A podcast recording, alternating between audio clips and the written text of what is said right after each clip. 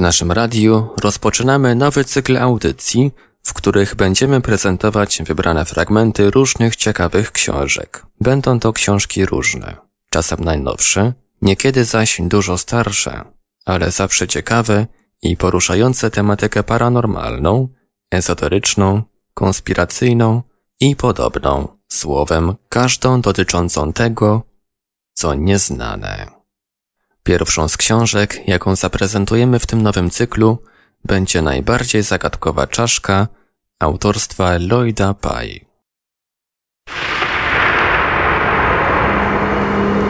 Lektury Paranormalium Dziś w naszych lekturach zaprezentujemy fragment książki Lloyda Pye Najbardziej zagadkowa czaszka. Będzie to fragment rozdziału pierwszego, w którym autor w literacki sposób próbuje odtworzyć dzieje zagadkowej czaszki oraz to, w jaki sposób została ona odkryta.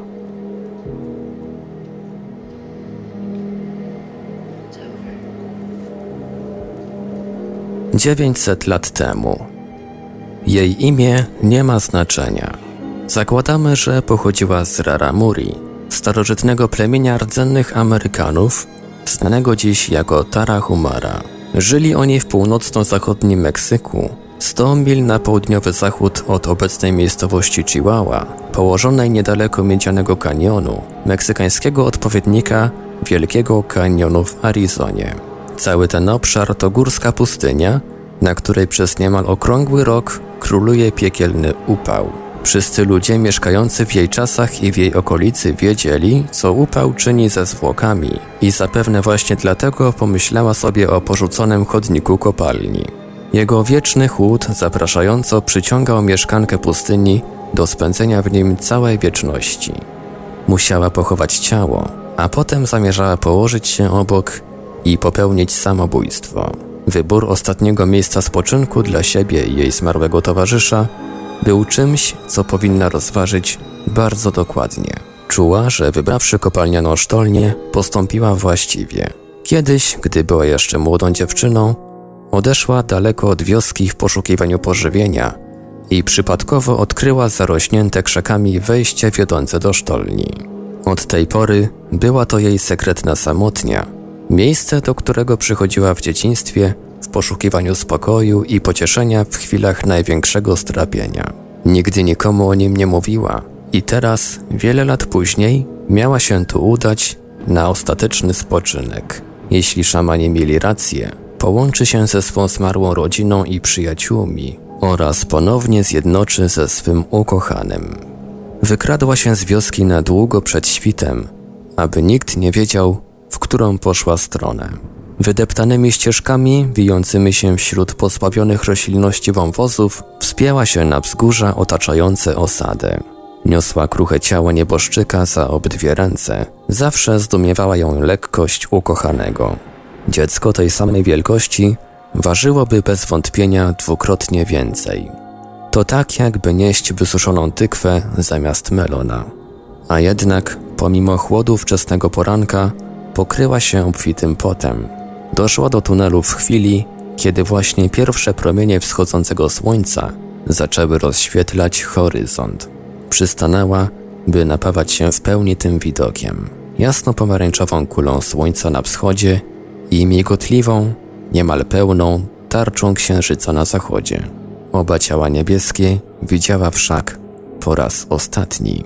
Ukryte wśród jeżyn wejście do tunelu znajdowało się w połowie wysokości ściany wąwozu. Aby się tam dostać, trzeba było zdobyć się na prawdziwy wysiłek, mimo że ciałko, które niosła, było lekkie i kruche. Ciężko oddychając, ostrożnie odgarnęła kolczaste krzaki, aż w końcu zajrzała do środka. Nie była tu od... już nawet nie pamiętała. Minęło zbyt wiele lat. Cieszyło ją to, że wszystko wyglądało dokładnie tak, jak zapamiętała. I nie pierwszy raz dzisiaj w jej zmęczonych oczach pojawiły się piekące łzy, wywołane żalem i wspomnieniami. Jak zawsze, pomimo zarośli, promienie słońca, które ledwo wynurzyło się nad ziemię, sięgnęły nie tylko wejścia do głównego szybu, lecz także daleko w głąb Zanim widoczność zmalała na tyle, że kolejne stąpnięcie nie byłoby już bezpieczne, udało się jej przenieść pakunek o 50 kroków dalej. Położyła ciężar na ziemi i usiadła obok niego, by odpocząć. Czekała, aż oczy przyzwyczają się do ogarniającego ją mroku. Uspokoiła oddech. Widoczność była teraz taka, jak podczas nocy rozświetlonej księżycem w drugiej kwadrze. To zupełnie wystarczało do tego, co zamierzała zrobić. Wybierając tunel, kierowała się instynktem i wyblakłymi wspomnieniami. Gdy się w nim teraz znalazła, zrozumiała, że jest to idealne miejsce dla jej potrzeb. Ludzie z wioski będą jej szukać, lecz wejście znaleźć mogliby jedynie wówczas, gdyby się im udało odszukać właściwy wąwóz, jeden z setek istniejących, a potem zauważyć jej ślady wiodące ku krzakom zasłaniającym otwór. Było to raczej mało prawdopodobne, chyba że opuściłoby ją całe szczęście. Jednak znacznie ważniejszy dla spokoju jej sumienia był fakt, że również padlinożercom trudno ich tu będzie odnaleźć. Znajdowała się ze swym towarzyszem wystarczająco daleko od wejścia do kopalni i powietrze wokół nich było prawie nieruchome. Nawet szczury nie będą w stanie wyczuć zapachu padliny, który w tym miejscu nie będzie rozchodził się zbyt daleko. Jeśli nie odnajdą ich szczury i ludzie, pozostaną tu na zawsze. Było to dla niej kojącym pocieszeniem. Do pleców miała przytwierdzoną niewielką drewnianą łopatkę, tę samą, której używała do uprawy pól kukurydzy. Robiła wszystko to, co inne kobiety. Uprawiała i obsiewała, zbierała i meła, gotowała i sprzątała oraz kochała. Miała dobre życie, ciężkie, lecz dobre. Jej odważny mąż zginął w obronie wioski przed bandytami z południa. Walcząc u jego boku, otrzymała cios siekierą po lewej stronie głowy. O mały włos nie zginęła od uderzenia. Kiedy wydobrzała, nie była już taka jak poprzednio. Wszyscy tak mówili. W bitwie, która zabrała jej męża i niemal ją samą zabiła, straciła także najstarszego syna. Później pozostali dwaj synowie zmarli wskutek gorączki. Była sama i samotna, kiedy przyszedł na świat jej ukochany. Znowu dał jej powód, by oddychać, by ciężko pracować i rozkwitać. Teraz zaś, tak jak dawniej, po raz wtóry była osamotniona, a jej serce złamane. Tym razem jednak nie umiała już stawić czoła ponurej rzeczywistości. Poza tym, czy to, że umrze, miało jakiekolwiek znaczenie?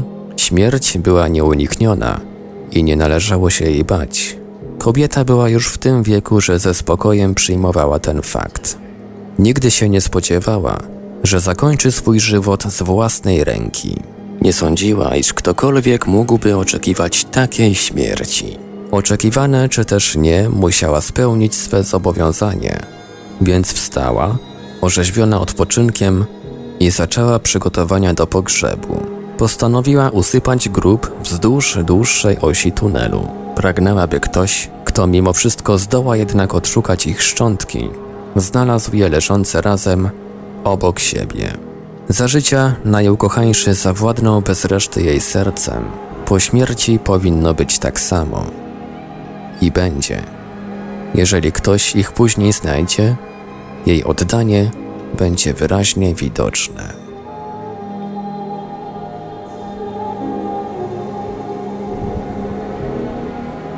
Był to fragment książki Lloyda Pye Najbardziej zagadkowa czaszka. Czytał Ivelios.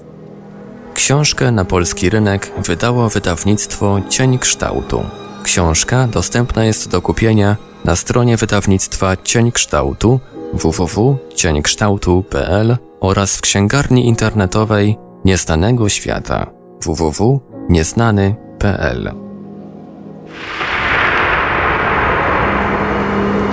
Lektury Paranormalium